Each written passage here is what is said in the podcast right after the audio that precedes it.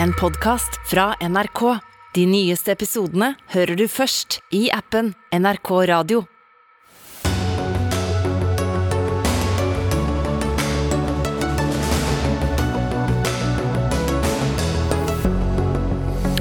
Tre russiske diplomater er erklært uønsket i Norge. Russland varsler motsvar. Utenriksministeren er med direkte fra toppmøtet i Brussel. Kvinne fikk redusert straff i lagmannsretten for deltakelse i terrorgruppen IS. Likevel har hun anket videre til Høyesterett. Styremedlem i moské i hovedstaden mener det ikke er på norskkurs man blir integrert. Han vil i stedet at trossamfunn og myndigheter skal samarbeide. Og finansministerens drøm om å flytte Statens pensjonsfond Norge til Tromsø for å investere i Nord-Norge møter motstand. Helt uansvarlig å gjøre fondet til noe politisk, mener Høyre. Og med det ønsker vi velkommen til Dagsnytt 18. Det er eh, onsdag. Jeg heter Espen Aas. Og vi starter med der vi ofte starter, nemlig urolighetene rundt eh, invasjonen av Ukraina. Tre diplomater ved Russlands ambassade i Norge ble i dag utvist. Svaret fra ambassaden er at dette var nok et uvennlig skritt fra norsk side, og de varsler også mot reaksjoner. I dag startet også Natos utenriksmøte i Brussel. Generalsekretær Jens Stoltenberg forteller at deltakerne skal forberede en ny strategi strategisk kurs for alliansen, sett i lys av Russlands aggresjon. Vi skal snakke mer om det snart, for du deltar på møtet, utenriksminister Anniken Huitfeldt fra Arbeiderpartiet. Men la oss eh, starte med de, eh, disse russiske diplomatene. Du sier at de har sitat, bedrevet virksomhet som er uforenlig med deres diplomatiske status. Hva betyr det? Eh, det betyr at de har vært her som diplomater men drevet med virksomhet som er uønsket i Norge. Og det er naturlig å gjøre dette på bakgrunn av den forferdelige situasjonen som vi ser i Butsja og også i Kiev, og derfor så gjør vi det som veldig mange andre land gjør nå, i denne situasjonen. Men, men denne mm, uforenlige virksomheten, kan du være litt mer konkret? Ja, jeg kan ikke gå konkret inn i hva de tre diplomatene har bedrevet. Men det er jo et helt klart mål for Norge å ramme russisk etterretning i Norge. Ok. Eh, russisk ambassaden har da varslet et eh, motsvar på denne utvisningen. Eh, hvordan forholder Norge seg til det? Ja, Det har de ingen grunn til. Vi har norsk ambassade i Moskva, og vi har generalkonsulat i St. Petersburg og også i Murmansk. Der har vi helt vanlige norske diplomater som driver med det diplomater skal drive med. Hvorfor kommer den utvisningen akkurat nå? Det er på bakgrunn av den situasjonen eh, som vi ser i Butsja, hvordan sivilbefolkningen har blitt angrepet. Og da samtaler vi med representanter for veldig mange andre nærstående land, og da er det en diplomatisk reaksjon på den forferdelige situasjonen som, eh, som, vi nå ser. Mm. Så det dras altså en linje da fra uh, tre russiske diplomater i Norge og, og det som vi har sett fra Botsja? Ja, det er det man kaller en diplomatisk reaksjon som eh, Norge og en del andre land har foretatt i denne situasjonen, og kanskje nå flere vil gjøre i løpet av de nærmeste dagene. Mm. Som nevnt eh, innledningsvis, eh, Anniken Huitfeldt, så deltar du da på Natos utenriksministermøte i Brussel, hvor generalsekretær Jens Stoltenberg har sagt at det skal stakes ut en ny kurs. Hva slags kurs er Norge beredt på å være med på? Vi skal diskutere hvordan vi kan hjelpe Ukraina i den situasjonen som de står i. Eh, og det vil også være deltakelse fra Ukraina på dette møtet. Og skal vi også stake ut kursen for Nato framover, for det skal være et svært toppmøte i Nato i juni. og Da vil eh, statsministeren delta, og også forsvarsministeren og jeg.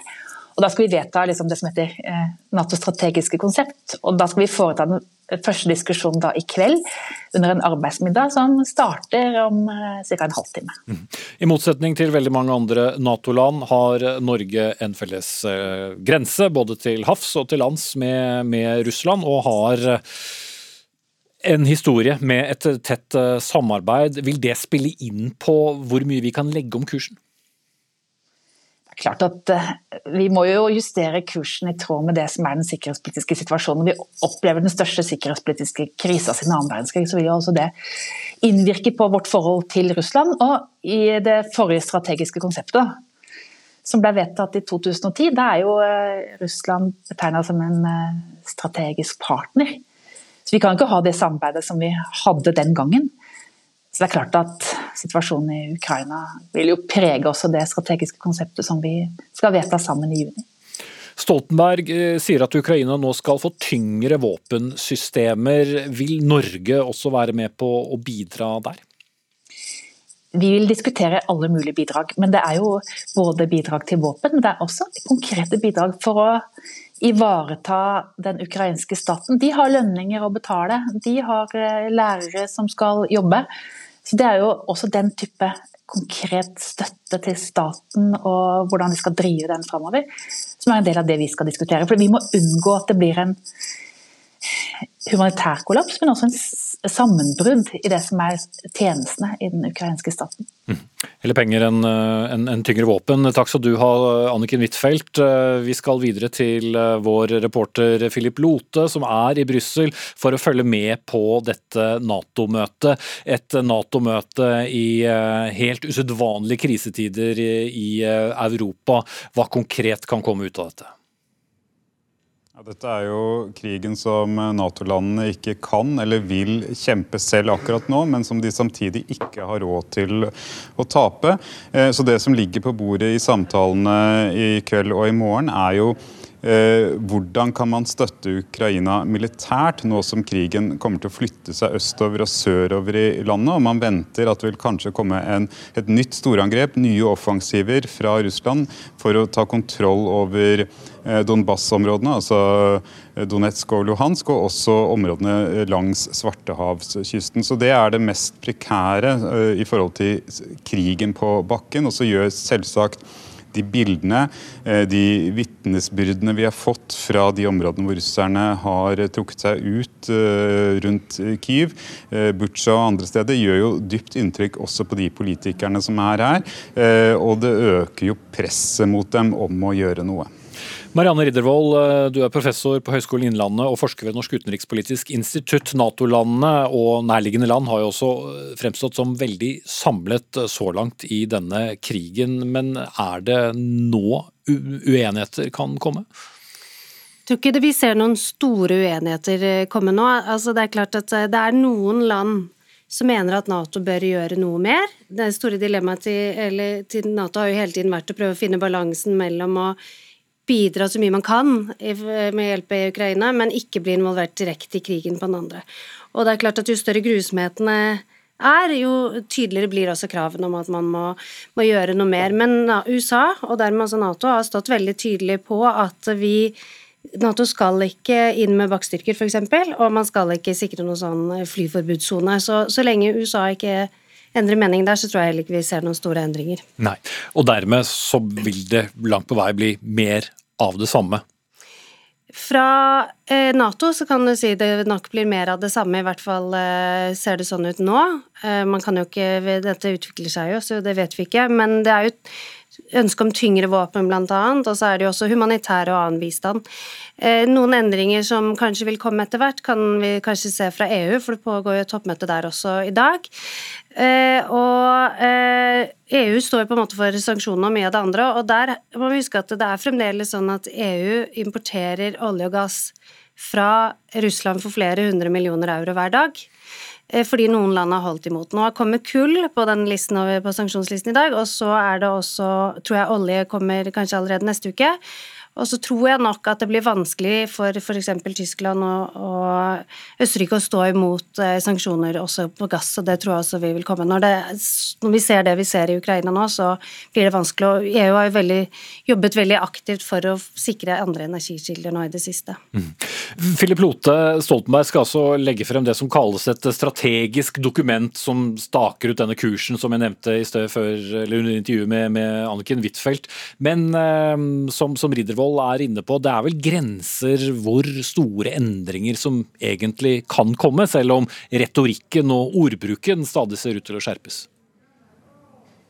Det strategiske dokumentet er jo interessant fordi det på mange måter var eh, Stoltenbergs avslutning som generalsekretær i Nato. Nå skal han fortsette i ett år. Og så har man fått krigen i Ukraina, som gjør at man kanskje i større grad enn tidligere nå likevel må fokusere enda mer på Russland og de tradisjonelle nærområdene. fordi at i det nye konseptet så la man jo større vekt på Kina som en aktør, eh, Stillehavsregionen, utvide Natos strategiske samarbeid. Dette ligger fremdeles inne i eh, strategien som de nå skal bli enige om, men det er helt klart at eh, man vil i større grad nå være nødt til å fokusere mer på Russland. Denne krigen kommer til å endre forholdet mellom Russland og Vesten i lang, lang tid, også etter at krigen er slutt. Og det er det mange som følger med på. Det er ingen tvil om at Kina er meget spente på hvilke konsekvenser denne politikken, eh, altså denne krigen, vil få for Natos og den vestlige alliansens eh, militære globale strategi. Apropos det, Philip Lote, så er det jo flere land til stede eh, som ikke er Nato-medlemmer. Én ting er jo Sverige og Finland, som for så vidt er spennende nok i seg selv, men også land som Sør-Korea og Australia. Apropos Kina, da. Eh, hvorfor eh, velger man å invitere såpass bredt? Ja, dette er et i utgangspunktet normalt uh, utenriksministermøte som finner sted i en uh, uvanlig tid. og Det man ønsker er jo å ha en slags styrkedemonstrasjon. Japan har jo et defensivt militære, altså de skal ikke kunne gå til offensive angrep. Men det er et stort uh, militære. At de kommer hit, det er viktig for å sende signaler om bredden i alliansen. Australia, USA og Storbritannia kunngjorde i går at de skal samarbeide om å utvikle hypersoniske hypersoniske missiler, altså superraske raketter, for å si det enkelt, men også hvordan man forsvarer seg mot disse, fordi at både Russland og Kina har kommet ganske langt til å utvikle denne type raketter.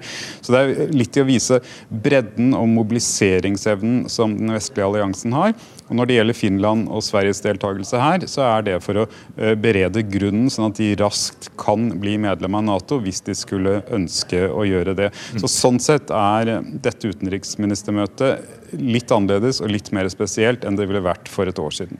Eh, og, til slutt, eh, Riddervold, nettopp poenget med Finland og, Sverige, som, stadig ser ut til å, veves tettere inn mot Nato, selv om de fortsatt står på utsiden. Dersom de nå skulle bli Nato-medlemmer, i hvilken forstand endrer det Europas sikkerhetspolitikk? Altså det endrer jo eh, noe litt sånn fundamentalt, fordi dette er land som har holdt seg nøytrale eller alliansefrie i alle år. Så det er jo også et uttrykk for de store endringene vi ser nå. Eh, men, eh, men samtidig så har jo Sverige og Finland hatt et så tett samarbeid med Nato allerede. Så den store praktiske forskjellen er jo at man blir en del av en forsvarsallianse, og da også del av denne artikkel 5-forpliktelsen som man har i Nato. Og den geografiske endringen vil jo også uh, ha en viss uh, symbolikk når vi tenker på hvor uh, Finland og, og, Sverige ligger, ikke minst tett opp mot grensen til Russland. Ja, det er klart. det får jo Finland har en over 1300 km lang grense mot Russland, som da vil være en del av Natos ansvar å forsvare. og så er det jo også sånn at det dette er også en del av de større måte, eh, sikkerhetspolitiske endringene som skjer i Europa, hvor man har dette strategiske konseptet. Selvfølgelig USA må være mer koblet til, eh, til Europa en periode, ikke sant? gå tilbake til eh, grunnforsvaret og sånn. Men vi ser jo også at, at det er et nødvendig behov for en sterkere europeisk pilar i Nato også etter hvert, og at Europa selv må styrke sin sikkerhets- og forsvarspolitikk. Mm. Takk skal du ha så langt, Marianne Riddervold, professor ved Høgskolen Innlandet og forsker ved Norsk utenrikspolitisk institutt, og takk til vår reporter i Brussel, Philip Lote. Vi slipper ikke krigen og dets eh, konsekvenser eh, helt, men eh, det blir likevel et, et temaskifte, for krigen den fremskynder også et grønt skifte i Europa. Ulempen er med skiftet er at det betyr eh, både høyere priser på nesten alle former for energi, både i Europa og her hjemme. Et skifte som eh, først og fremst drives politisk og ikke av markedet. Dette er blant tingene dere konkluderer med en ny rapport. Eh, Sverre Alvik, forskningsleder for energiomstilling i DNV, tidligere Norske Veritas. Helt konkret, hvorfor fremskynder en krig i Ukraina et grønt skifte i Europa? Det vi ser når vi kjører de endringene vi forventer i Europas energisystem inn i våre modeller, er at utslippene går ned, og fornybarandelen går opp. Utslippene går ned med 600 millioner tonn fram til 2030, og fornybarandelen øker med et par prosentpoeng. Mm. Hva er det det da blir mindre av, som gjør at det blir mer av noe fornybart? Det blir først og fremst mindre gass. Eh, bortfall av store mengder russisk gass vil jo i all hovedsak erstattes av annen gass eh, fra eh, LNG. Men noe av gassen blir ikke erstatta. Den blir av, av, av, gass, men av fornybar energi. Og Da blir det mindre gass og mer fornybar energi, og ikke mer kull, sånn som vi kanskje kunne frykte. Veldig lite ekstra kull og stort bortfall av gass det gir en positiv gevinst for klimaet. Men det koster, for det er, eh, som jeg nevnte innledningsvis, eh, en annen bieffekt eh, av dette. At, prisen på energi den blir høyere. Ja, det har vi sett allerede. Den allerede høye prisen har blitt enda høyere, både på strøm og på bensin og på gass, som ikke berører oss nordmenn eller norske forbrukere så mye. Og det forventer vi kommer til å vokse. Gassprisen kommer til å øke med 12% som en følge av dette. På litt lengre sikt så, så forventer vi at uh, råvareprisene, inkludert energi, går ned igjen, så det normaliseres. Men krigen gir høyere priser. Men hva taler for at uh, ikke Europa skulle falle tilbake uh, på de energiformer og, og den importen av f.eks. Uh, russisk gass, da, dersom krigen i Ukraina blir kortvarig, uten at det nødvendigvis er noe som tyder på det akkurat nå?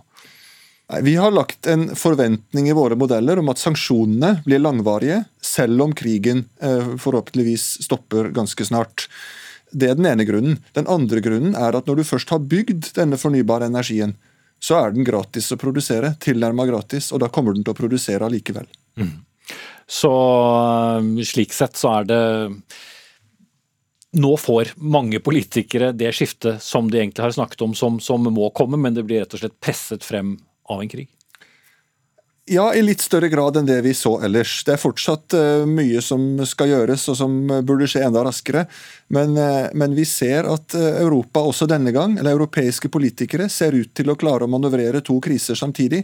Det gjorde de med pandemien. Det gikk også bra med energiomstillinga under pandemien, og, og, det forventer vi at de vil gjøre denne gangen også. Mm.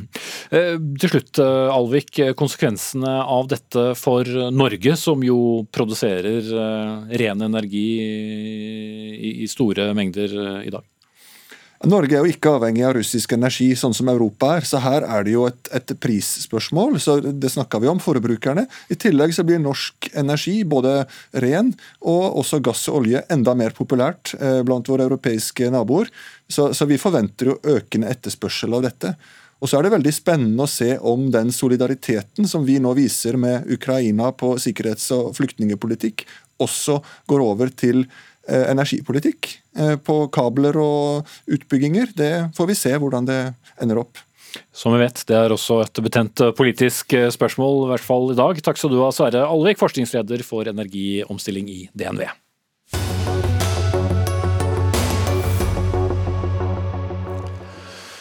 Klokken den er snart 19 minutter over seks, eller 18 om du vil. Eh, senere i Dagsnytt 18, pressgruppen Extinction Rebellion er på nytt i gang med ulovlige aksjoner i Norge. De vil presse myndighetene til å gjøre mer for å bremse klimaendringer. Høyre er ikke spesielt imponert eh, over aksjonsformen. Det blir debatt mellom de to senere i Dagsnytt 18. To og et halvt år i fengsel, det var straffen lagmannsretten mente var passe for deltakelse i terrorgruppen IS for den 31 år gamle norsk-pakistanske tobarnsmoren som ble hentet hjem til Norge fra Al-Hol-leiren i Syria for litt over to år siden. Den straffen er eh, ett år lavere enn straffeutmålingen fra tingretten, men til tross for denne straffereduksjonen, så har kvinnen nå valgt å anke videre til Høyesterett. Hun har hele tiden nektet straffskyld og sagt at hennes rolle, det har vært å stelle i huset, lage mat og ta seg av barn. Sofie Høgestøl, førsteamanuensis i rettsvitenskap ved Universitetet i Oslo. Eh, likevel er kvinnen dømt for terror, men med en straffeutmåling på to og et halvt år. Ja, så det hun er dømt for, er å delta i IS. Og Grunnen til at denne saken er forskjellig fra en del av de andre sakene vi har sett, er jo måten hun har deltatt på. For I norsk straffelovgivning så kriminaliserer vi vanligvis ikke deltakelse. Vi krever at personen har vært litt mer direkte involvert i den straffbehandlingen. Men terror og internasjonale forbrytelser er ofte kollektive i naturen. Det er mange personer som begår de handlingene samtidig. Og da er det ikke alle gjerningsforbryterne som vil være så tett knyttet til en konkret terrorhandling, eksempelvis. Og Derfor har man valgt å strekke kanskje straffansvaret lenger enn det man vanligvis gjør, fordi terror er så alvorlig. Og Da har man kriminalisert deltakelse. Men når jeg begynte å forske på dette her i 2016, så var mitt første spørsmål hva betyr deltakelse? Hvor går den nedre grensen for hva som er straffbar deltakelse? Og da var jo allerede sakene knyttet til de kvinnene som hadde reist ned, aktuelle eh, spørsmål for å teste den nedre grensen. Og Det er egentlig det denne saken her gjør. For det er klart at det er ingen bevis for at denne personen har vært knyttet til en konkret terrorhandling eller laget bomber eller gjort den type handlinger. Men det er heller et spørsmål om en person som har reist ned sammen med sin ektefelle, som har blitt fremmedkriger, og da har vært husmor og hustru internt hjemme, også kan sies å bidra så aktivt til terrororganisasjonen at du deltar. Og Det er det lagmannsretten sier at hun har gjort. Men denne aktiviteten er jo da veldig indirekte. Det har vært en slags form for stilltiende aksept mm. for de handlingene. Eh, mm. Og likevel da en straffeutmåling på, på to og et halvt års fengsel. Hvor spesiell er denne saken? Den er nok ganske spesielt i et internasjonalt eh, perspektiv. Det er ikke så mange kvinner som er dømt internasjonalt på denne måten her, men lagmannsretten som tingretten slår fast, men de har delt seg litt, så det er et flertall av dommerne det er noen av dommerne som ikke mener at eh, vedkommende burde straffes. De sier helt tydelig at det å reise ned på denne måten her, det er også en form for deltakelse.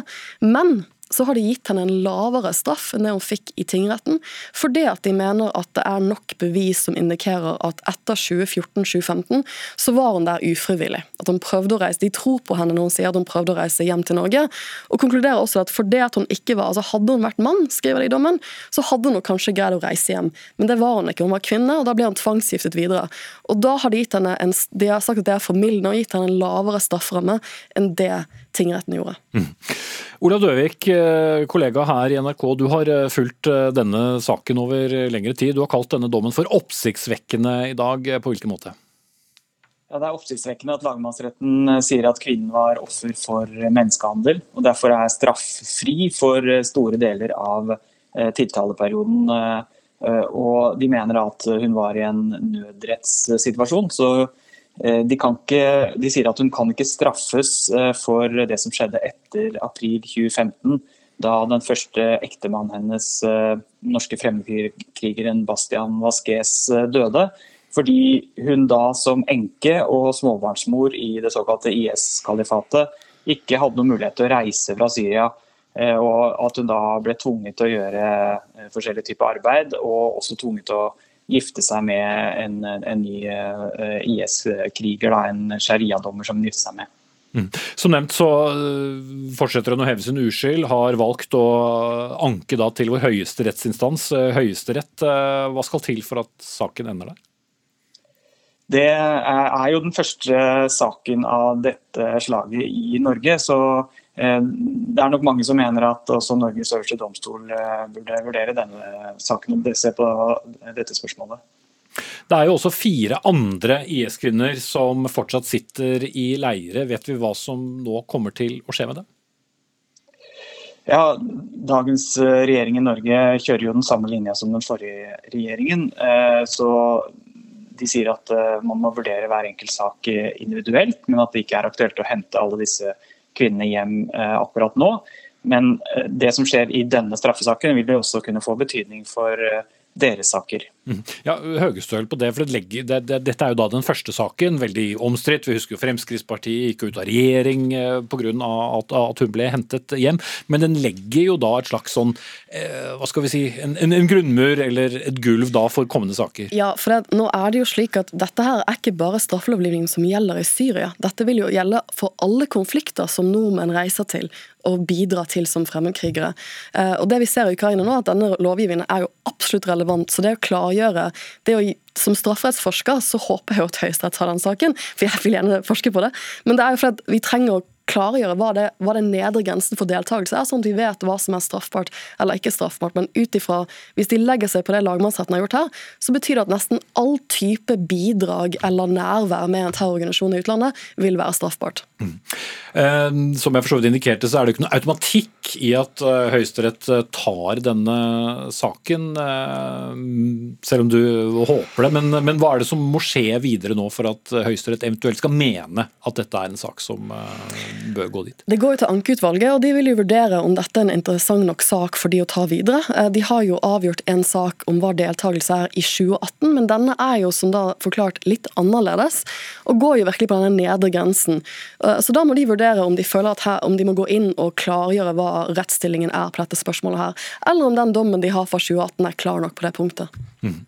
Vi får uh, se hvordan det ender. Takk skal du ha, Sofie Høgsøl, førsteamanuensis i rettsvitenskap ved Universitetet i Oslo, og takk også til journalist her i NRK Nyheter, Olav Døvik.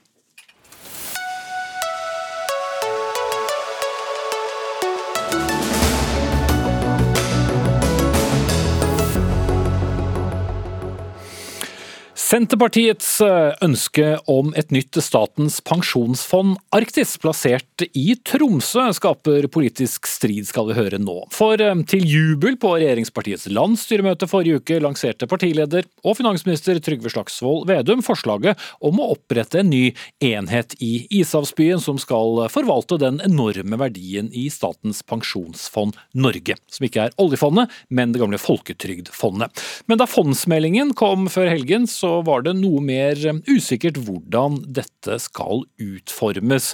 Nå hadde ikke finansministeren anledning til å delta, men Geir Pollestad, du er medlem av finanskomiteen på Stortinget for Senterpartiet, også parlamentarisk nestleder. Hva er det dere egentlig vil med dette fondet i Nord-Norge? Vi vil jo etablere en enhet i Tromsø eh, som skal forvalte en del av eh, Statens pensjonsfond Norge.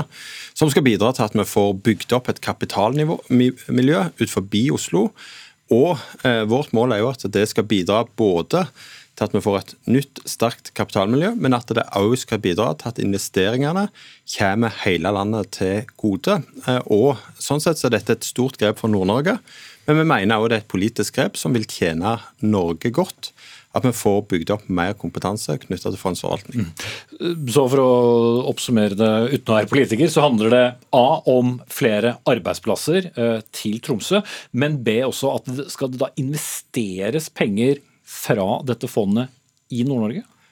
Ja, Målet vårt er jo at uh, det skal bygges opp der. Fondet skal i utgangspunktet investere i hele uh, Norge. Men vi tror jo at når finansmiljøet kommer nærmere uh, Nord-Norge, så blir ikke dette bare en bra sak for Tromsø og Troms, men også for Finnmark og Nordland. Og Så sier vi òg at vi skal utrede hvordan dette fondet kan investere i unoterte aksjer, altså i selskap som ikke er på børs. Og vi vet at veldig mange av bedriftene i Nord-Norge ikke er på børs, og derfor vil dette telle. Og Situasjonen i Nord-Norge er at vi har veldig mange flinke folk og kreativitet. Vi har mye naturressurser, men tilgangen på kapital den ønsker vi å styrke. Men øh, betyr ikke det at dere egentlig nå bare har funnet opp øh, Innovasjon Norge en gang til? Nei, fordi at uh, fin, uh, finansforvaltning og oljefondet er liksom en kjempestor greie. vi flytter et nytt miljø opp til Tromsø. Vi tror det kan utfordre og i tillegg supplere det miljøet vi allerede har. Og så er det sånn at nærhet til markedet gjør jo at kunnskapen og kjennskapen også blir bedre, og det ser vi som en styrke. Mahmoud Farahman, du er medlem av Stortingets eh, finanskomité for Høyre. og Da vi snakket med deg før sending, så kalte du dette forslaget fra Senterpartiet rett og slett for uansvarlig. Hvorfor det? Det er uansvarlig, og du er jo inne på det innledningsvis. Altså, må, eh, det er ikke noe tvil om at det er behov for investeringer i, eh, i Nord-Norge, og det er vi helt enig i. Det er derfor vi også i 2021, altså i fjor, eh, laga et fond, Nord med inntil 600 millioner kroner i kapital. Det som er det uansvarlige her, er at man nå ønsker å gå i en retning av å bruke Folketrygdefondet, altså vår felles, våre felles pensjonspenger, penger, eh, til å investere i eh, produkter og, og, gi dem en politisk eh, si, retning.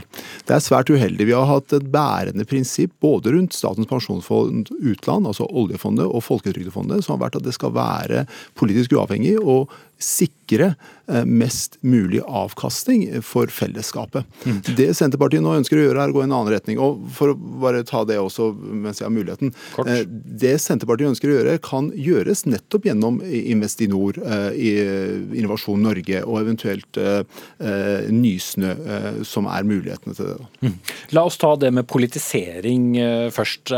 Det er en, en politisering av pensjonspenger? Jeg er jo eh, ikke litt skuffa, men ikke overraska over at Høyre er negative til dette. Men for oss er det jo sånn at det målet om at vi skal ha maksimal avkastning, det ligger jo fast. Og hvor Høyre får det fra at avkastningen automatisk skal bli dårligere fordi at en flytter noe fra Oslo til Tromsø. Men det er mer usikkert å uh, investere penger i gråmarkedsaksjer eller unoterte aksjer enn det som er på børsen? Men det er jo litt interessant at det gjør vi i Spania og Italia og alle andre verden, landene i verden. Og så skal vi altså ikke kunne gjøre det i Nord-Norge og i Norge. Uh, selvsagt så Eh, er det mer risikofylt, og det krever mer eh, kompetanse på forvaltningsmiljøet. Det er jo nettopp derfor vi ønsker å bygge opp dette eh, miljøet. Men det å si at vi her liksom fraviker det som har vært prinsippet om maksimal avkastning, er jeg svært uenig i.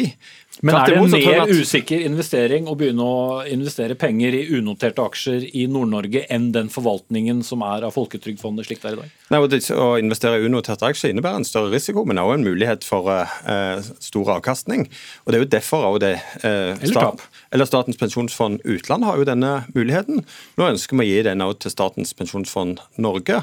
Og jeg mener at, uh, at det synet som her kommer fram fra Høyre når det gjelder Nord-Norge, er veldig skuffende. Vi tror det er fullt mulig å få fram et godt investeringsmiljø i Nord-Norge. Og vi inviterer Høyre til å skifte mening og være med og støtte oss og trekke opp rammene for hvordan dette skal være. Okay. For dette er viktige viktig grep for Nord-Norge. Farman, er, er, problemet at det flyttes til uh, Tromsø, Nei, er, eller hvordan det da skal forvaltes? Det, det er nok forvaltninga som er problemet. og jeg synes Det er ganske interessant å høre Pollestad her uh, snakke ned eh, distriktene. Det har jo Senterpartiet gjort under hele valget sitt. Altså det, det virker nesten som eh, Senterpartiet tror at alt som skjer i distriktene må sponses av staten. Eh, det finnes ekstremt mange gode eksempler på at både Nord-Norge og distriktene i Sør-Norge og på Østlandet klarer å fikse dette helt fint selv. De fleste distriktene jobber i privat næringsliv og ikke for staten. Det må vi bare ha helt klart. Det som Senterpartiet gjør her er ganske interessant. Fra mandag forrige uke til fredag eh, forrige uke så endra budskapet seg drastisk. Vedum gikk ut og sa at han skulle investere penger i unoterte aksjer på mandag, var veldig klar på det på, på, disse, på dette møtet han var på.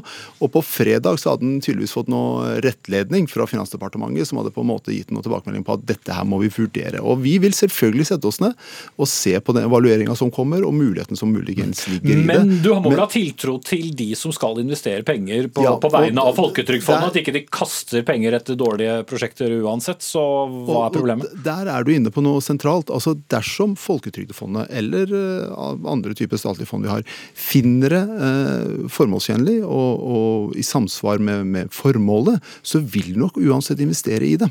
Det er det som er det interessante her. Senterpartiet vil gi eh, Folketrygdfondet i dette tilfellet politiske signaler og gi de, setter under politisk styring for å oppnå noe mål. og Det er der problemet ligger. I tillegg til det så får vi et større problem. Vi har et Statens pensjonsfond utland som vi har sagt skal være apolitisk. og Når vi begynner å politisk styre Folketrygdefondet, hvilke signaler sender vi da til eh, andre nasjoner? På, andre vi har et mål som regjeringa tar hele landet i bruk. Derfor gjør vi denne type grep her. Og Hvis Høyre ikke har lyst til å være med på det og mener at denne forvaltningen må ligge i Oslo, så vær så god, får dere lov til det. Vi kommer til å få et flertall på Stortinget, både for en lokalisering i Tromsø og for gode eh, retningslinjer for denne forvaltningen. Og vi vil sikre at det skal være maksimal avkastning, og vi tror at den faktisk skal bli høyere med en forvaltning fra Tromsø enn fra Oslo. Men investeringene skal først og fremst Folketrygdfondet selv velge, eller vil det ligge en føring fra regjeringen om at det skal investeres i unoterte aksjer i Norge? Det det meste av det som Høyre her hevder, har de jo funnet på sjøl. Vi skal jo selvsagt investere der som må få mest avkastning. Samtidig så er det sånn at når finansmiljøet Også hvis de sier at det ikke er noe verdt å investere i Nord-Norge? jo klart det er masse ting å investere i Nord-Norge. Det er Der ligger mye av fremtidens verdiskaping. Så Derfor er dette både et prosjekt for Nord-Norge, men det er òg en styrking av eh, næringsliv og verdiskaping i hele Norge. Ville gjerne sluppet deg til, Farahman, men dessverre, vi har et par debatter til som vi må rekke. eh, Så jeg takker dere av. Mahmoud Farahman fra Høyre, Geir Pollestad fra Senterpartiet. Og hvis noen lurer på historien, så var det Per Bortens regjering som skapte Folketrygdfondet i sin tid, og da satt Senterpartiet og Høyre sammen i regjering.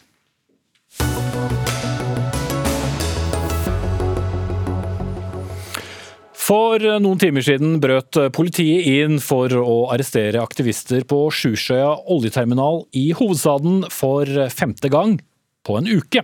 Totalt er over 100 aktivister fra Extinction Rebellion arrestert for å blokkere, lenke og lime seg fast til både tog og tankbiler på terminalen. Den samme gruppen gjennomførte en rekke eh, aksjoner i fjor høst, bl.a. mot Equinor og Olje- og energidepartementet. Vebjørn Bjelland Berg, du er talsperson for Extinction Rebellion. Eh, Hvorfor aksjonerer dere nå? Ja, jeg vil bare presisere det først at det fortsatt er folk å aksjonere på Sjursøya akkurat nå. eh, Og folk som blir, eh, har blitt værende der helt til de da har blitt arrestert, eh, og er der fortsatt noen. Men hvorfor aksjon? Vi går til aksjon mot oljerelatert infrastruktur nå, og det kommer vi til å fortsette å gjøre helt til staten innfrir vårt krav om å stanse all videre leiding etter olje og gass nå. Selv om det først og fremst ser ut til å handle om at dere aksjonerer og at politiet henter dere ut. Vi kommer til å fortsette å gå i veien for fossil infrastruktur, eh, for nettopp for å oppnå dette kravet. Og vi kommer til å komme tilbake igjen helt til kravet er innfridd. Sveinung Stensland, stortingsrepresentant fra Høyre og justispolitisk eh, talsperson. Eh, Tar du til deg et signal om at dere politikere bruker altfor lang tid? Eh, Jeg tror ikke det blir slutt på norsk olje- og gassvirksomhet med det første. og Anlegget på Sjursøya er det jo for å forsyne bl.a. Gardermoen med, med flybensin. Så, og så lenge vi har fly, så trenger jo det flybensin. Og jeg vil jo minne om at Noe av det vi har lovt Europa i det siste, er jo å sende så mye gass vi kan til Europa. Fordi Europa er avhengig av norsk gass for, for å holde det gående. Eh, Så, så vi kommer jo ikke til å stoppe med det. Og, og politiet gjør jo jobben sin her. De, de stanser folk i å ødelegge viktige, viktige samfunnsinfrastruktur. Eh, Så, så jeg vil jo bare oppfordre eh, Extinction Rebellion til å slutte med det. her, For politiet er nødt til å gjøre det de gjør, fordi dette er en ulovlig aksjon. Men hva skulle de gjort i stedet, når de er eh, uenig i politikken som føres? Ja, Selv om ikke du sitter i regjering. Ja, ja. Det er mange som er uenige med politikken som føres, og det demonstreres jo hele tida. Det som er normalt, er jo at en da søker om lov til å gå i demonstrasjonstog, f.eks. Det er ikke så lenge siden noen som ville demonstrere i sentrum, måtte demonstrere her oppe på Marienlyst fordi, fordi det ikke passet ut fra samfunnsmessige vurderinger fra politiet. Det er faktisk en del av et demokrati, og retten til å ytre seg, retten til å skrive, demonstrere, alt mulig. Det er helt greit, det. Det er en viktig et demokrati, men dette går liksom litt lenger, da. Og, og eh, enkeltdemonstrasjoner, ja. Men vi har jo sett eksempler på at en lenker seg fast i Stortinget og, regjeringsbygg. En trenger seg inn i Stortinget, altså en rammer demokratiske funksjoner. Da er det jo et angrep på demokratiet, og det er en aksjonsform som jeg ikke tror virker. Og den er heller ikke grei. Og det er en måte å demonstrere på som, som ikke er forenlig med det vi kan kalle demokratisk. Ok, det var, det var mange punkter, men bare for å ta det helt grunnleggende da, Berg, gagner egentlig? Altså, har, du, har du noen erfaring som, som viser at denne formen for sivil ulydighet egentlig gagner klima? Det florerer av eksempler på at sivil ulydighet og ikke-voldelig direkte aksjon får igjennom samfunnsendring. I arbeiderbevegelsen i Norge, kvinnebevegelsen, altså bevegelsen for kvinners stemmerett. jo, men ved å lime seg fast og lenke seg fast? det, vi har forsøkt Utrolig flinke folk har forsøkt i tiår å si til politikerne at nå brenner det. Nå er det vi er i en total nødsituasjon. FNs klimapanel gikk nå ut med en rapport og sier vi har to til tre år på å stille oss om. Eh, regjeringen viser klart og tydelig at de nekter å ta dette ansvaret. Noe som av FNs generalsekretær blir kalt for kriminelt. Dette er ikke vårt språk, dette er språk som kommer fra FNs generalsekretær. Og Men, men med så vektige argumenter som du da kan vise til, da, eh, ville det ikke da nådd lenger ved å velge en annen form for aksjon? Det er jo akkurat det regjeringen viser, at til tross for at Antonio Guterres, FNs generalsekretær, kommer med et sånt språk, til tross for rapportene som legges fram tiår etter tiår, så eh, viser de at de fortsatt skal lete etter mer olje og gass i en tid hvor alle internasjonale utvalg viser klart og tydelig at vi er nødt til å stoppe akkurat nå. Og, og Stensland, selv om du fortsatt ikke sitter i regjering, da, så er det jo ikke bare sivile ulydighetsaksjoner som eh, kommer med det argumentet. Nesten hver eneste naturorganisasjon kunne sagt akkurat det samme som Berg sa nå. Ja, da, og Nå har vi nettopp hatt landsmøte i Høyre, og dette spørsmålet var høyt opp på dagsorden.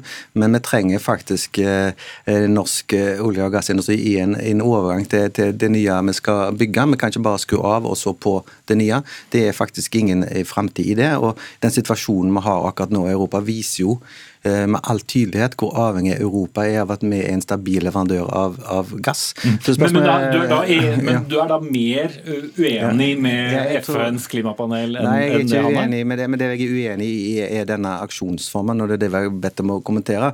Og jeg tror For Extinction Rebellion sin del, så denne aksjonsformen her, ja, det er sikkert mange som syns dette er veldig bra, men skal en få til endring, så må en faktisk det brede lag av folket være med. og Det har vi fått til. De fleste partiene på Stortinget har endra miljøpolitikk, og det går i en retning nå som er bra, men vi kan ikke bare skru av. og Det som er sentralt i vår politikk, er jo å omstille samfunnet til en hverdag der vi ikke er avhengig av norsk olje og gass. Men det er faktisk det Europa skriker etter nå. Vi har faktisk lovt Europa å levere mer. Ok, nå har de gjentatt det flere ganger. Ja. Men hva er det da Greenpeace, Naturvernforbundet, Natur og Ungdom og andre grupper uh, gjør feil, siden dere velger å, å, gå til den form for aksjon som dere gjør? Jeg syns de gjør knallbra arbeid, og jeg syns det er tragisk at til tross for det knallbra arbeidet de gjør, så blir det totalt marginalisert og ikke lytta til. Jeg vil bare si det at Du snakker om det å skru av kranene med en gang. Kravet vårt er helt enkelt. Vi må stanse all videre oljeleiting. Eh, vi skal ikke lete etter mer olje i en eskalerende klimakrise. Og FNs generalsekretær har også gått ut og sagt at de aktørene og statene som skal lete etter mer fossil energi, investere i mer fossil energi nå, det er, de, det er de virkelig farlige radikale. Ikke aktivistene som setter seg i veien for det.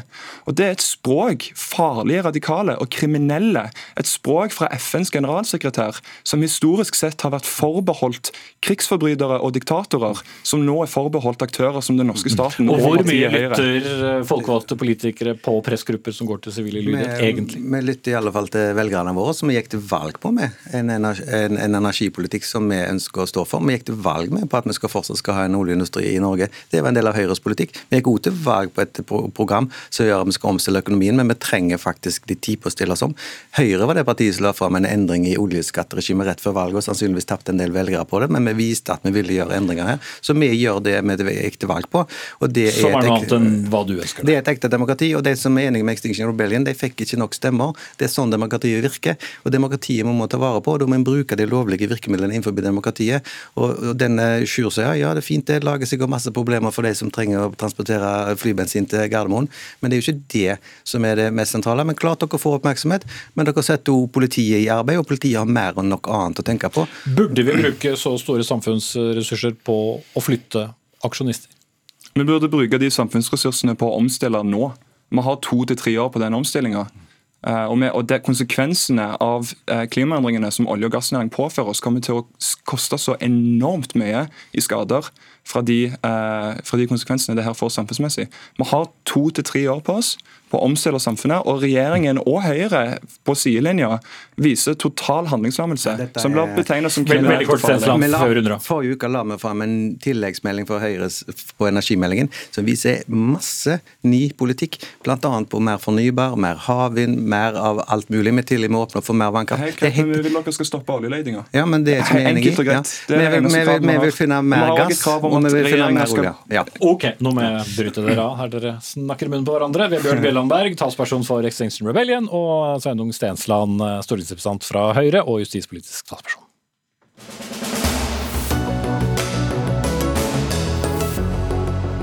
Selv om 71% av elbilistene sier at de ønsker å betale med kort når de skal lade elbilen eh, på en av eh, landets mange ladestasjoner, så mener bilistenes egen interesseorganisasjon NAF at det ikke er nødvendig å innføre nettopp kortbetaling.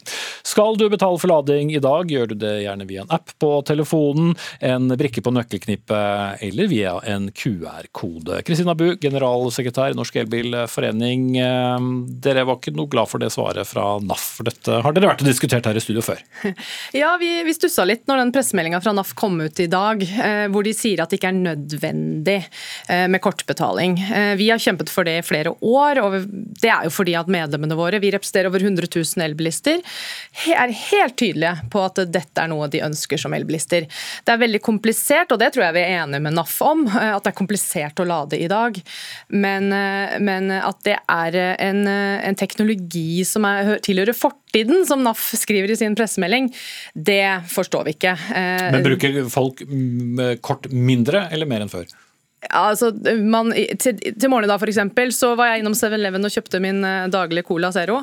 Uh, og da, tapp, tap ja, da tappa jeg med, med mobilen min. Uh, for der ligger det digitalt kort. Jeg tror det er en veldig vanlig og moderne og normal måte å betale for i dag. Anette Berve, testansvarlig for elbil i NAF. Ikke nødvendig med innføring av kortbetaling, sier dere altså, og er, har da sju av ti elbilister som er uenig, og dere er bilistenes interesseorganisasjon. Hvordan henger dette sammen?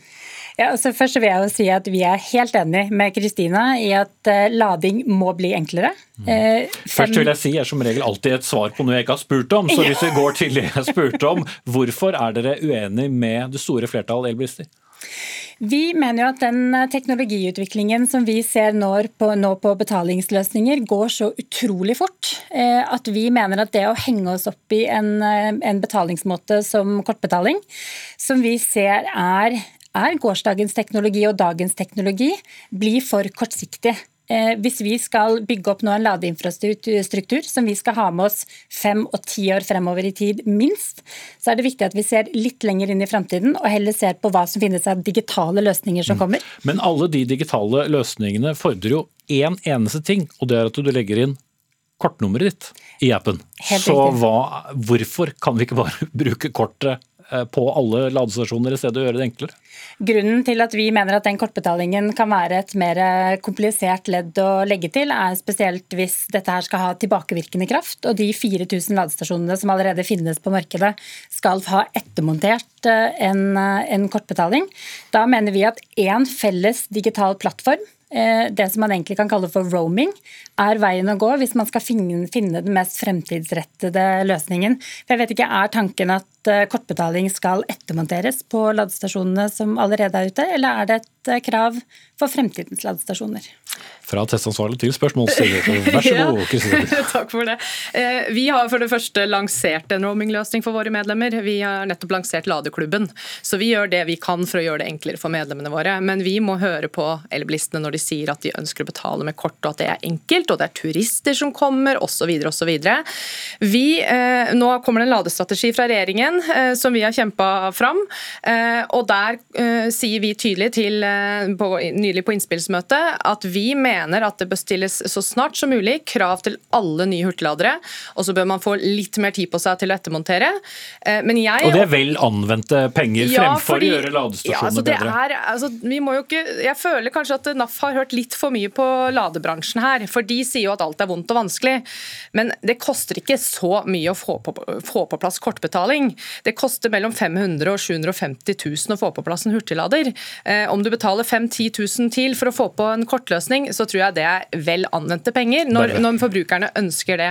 Så jeg hadde jo håpa at NAF sammen med oss kan kjempe for å regulere, regulere kortbetalinga. Den samme undersøkelsen som Kristina viser til, der sier jo også 88% av de som svarte at de ville ha en digital løsning som går på kryss og tvers av alle ladeoperatørene. Det er roaming, som er én digital felles plattform der du velger ladeoperatøren. Eh, Elbilforeningen er en av mange eh, som ønsker å knytte en kommersiell tjeneste til en sånn plattform. Eh, vi ser i dag at noen er åpne for roaming, men ikke alle. Vi mener at det er heller riktigere og mer fremtidsrettet å legge presset nå politisk på at man må åpne opp for roaming ikke nødvendigvis at man må etablere kortlading. Da, det, da eh, låser vi oss til en teknologi som mest sannsynligvis om fem til ti år ikke kommer til å være den prefererte betalingsløsningen. Nei, vi trenger løsninger som fungerer per i dag. EU har dette på dagsordenen nå. De foreslår, har på, som forslag at det skal komme krav om dette fra 2025. Tyskland innfører krav til kortbetaling fra neste år. Eh, dette bør vi også få til i Norge. Eh, og jeg skjønner jo, altså Majoriteten av medlemmene deres de fyller bensin og diesel. Hva betaler de med? De betaler med kort. Hvorfor skal det være annerledes for elbilistene? Eh, dette er ikke vanskelig å få til. Grunnen til at ladebransjen, og Vi kan forstå ladebransjen, de ønsker å eie kunden, de ønsker at du skal ha et kundeforhold til dem. Men vi, i dag kan man betale med kort på hos en gateselger men ikke på en hurtigladestasjon. Jeg tror folk flest syns det er ganske uhørt. Og når du sier at 88% i vår undersøkelse ber om roaming, så gjør de ikke det. 88% sier, som vi også er enige om, at det er vanskelig å betale i dag. Det må vi løse, men det må vi løse med selvfølgelig å få på plass roamingløsninger, sånn som vi har gjort med Ladeklubben. Men vi må også få på plass Ladeklubben. Vi, det er mange som i dag allerede er over på digitale løsninger. Eh, du sier deg selv, vant med å betale tjenester med, med digitale løsninger. Eh, også på Circle K bensinstasjoner så kan du i dag betale med, med app. Se hvor utrolig raskt vi vennet oss til eh, VIPS. VIPS er jo også et alternativ som nå har begynt å komme inn hos, hos ladeoperatørene. Men i aller fleste så må du ha nettopp den leverandørens app, og det er vel det som alle er litt irritert over. Du kan komme ja. til en, en, en, et ladested, er... og så må du da stoppe opp, laste laste ned eh, appen, legge inn kortnummeret, og først da kan du betale. Og så har du ti elbilister i kø bak der som Men er irritert. Men det her jeg presiserer at roaming er ikke 15 eh, apper til 15 ulike operatører. Nei, men det er virkeligheten i dag. Ja, men roaming, hvis du skal få den digitale fellestjenesten til å fungere, så må du presse på at alle må åpne opp for roaming. Sånn at eh, de tjeneste, digitale tjenestene som finnes i dag, kan snakke mm. med alle ladeoperatørene. Og egentlig så er dere uenige der hvis det hadde gått an å få presset det gjennom. For det er ikke sånn at du først og fremst er fryktelig opptatt av chipper og magnetstriper og kort. Nei, eh, men altså vi må vi, Som sagt, vi har lansert dette, og vi er kjempeglade for at dere eh, Vi får ikke alle ladeselskapene med på det, så det håper vi jo virkelig at vi er veldig glad for at dere er enige med oss der. Men vi, det må være mulig å betale med kort, og ikke tvinge folk inn i et kundeforhold. Eh, det er jo ikke sånn for bensin- og dieselbileierne heller. De kan betale med et kort hvis de ønsker det. Det er enkelt og greit, det fungerer på tvers av landegrenser. Det er en helt vanlig betalingsløsning i dag. Vi mener ikke at det må være en kortterminal, men du må kunne tappe mm. eh, og betale på en hurtigladestasjon. Så får vi se om noen vil la det bli sånn. Takk skal dere ha, Kristina Bu, generalsekretær i Norsk Elbilforening, og Nette Berve, testansvarlig for elbil i NAF.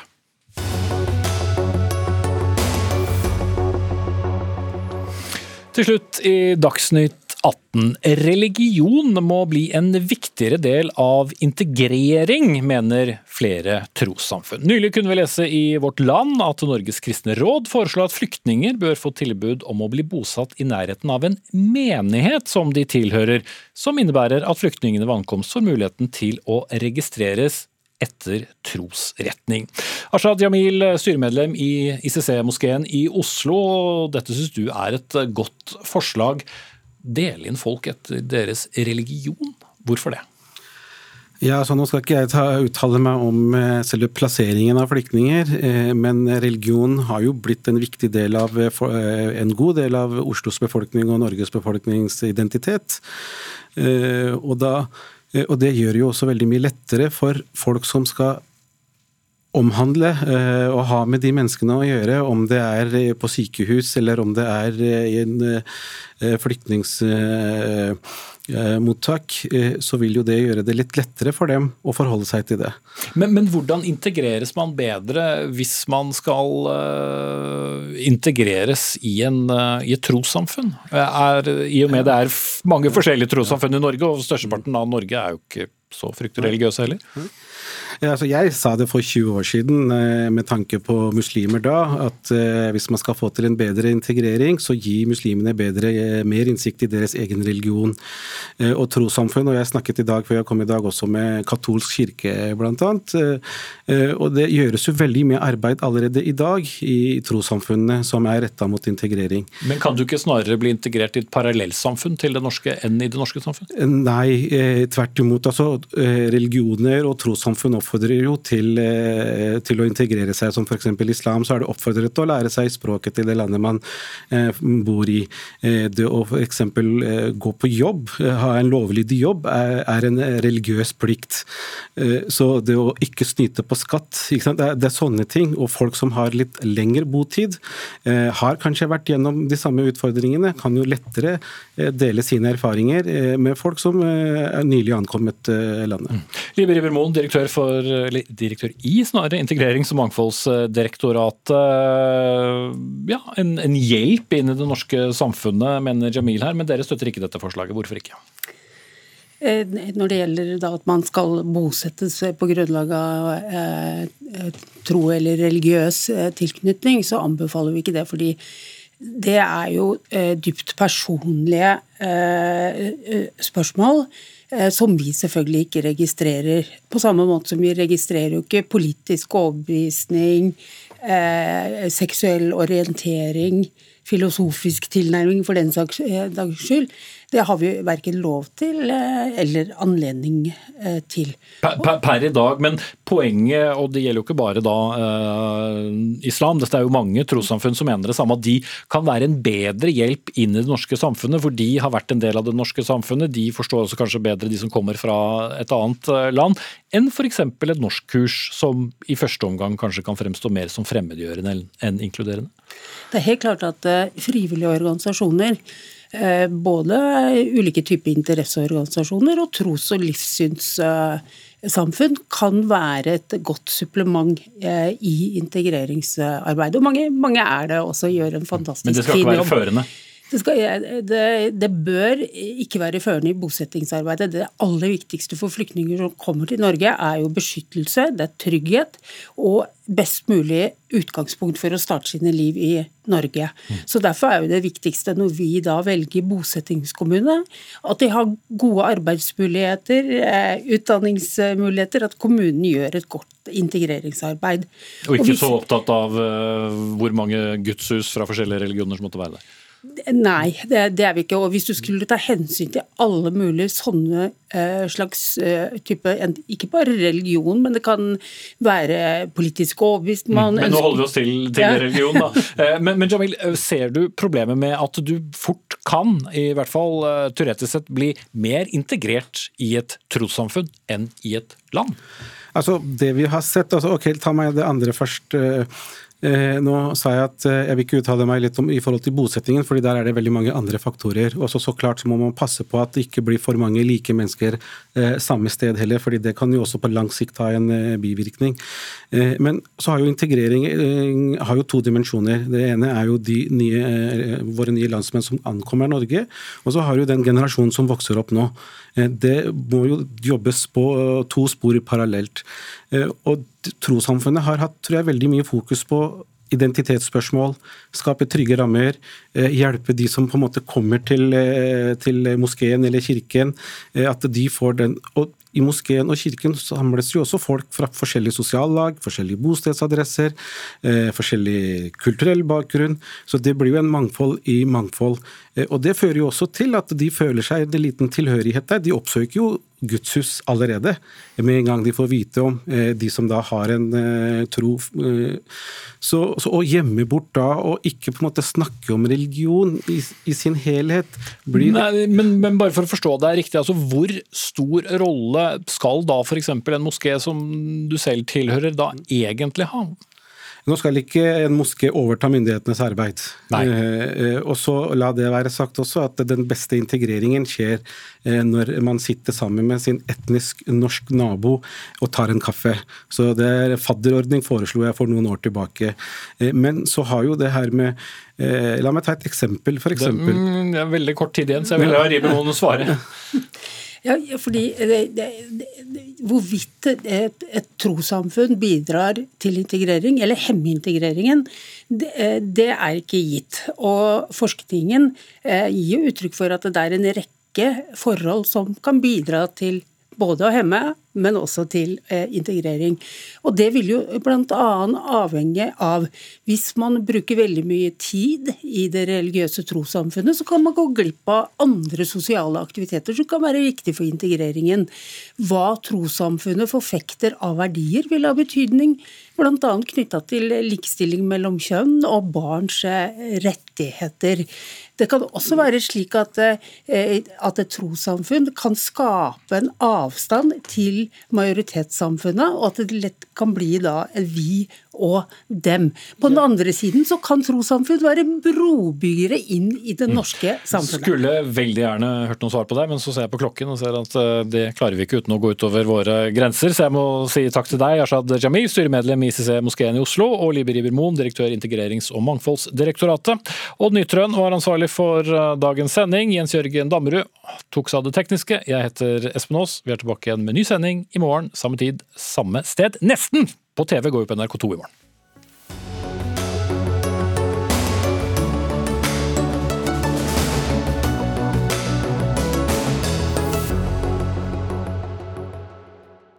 Du har hørt en podkast fra NRK. De nyeste episodene hører du først i appen NRK Radio.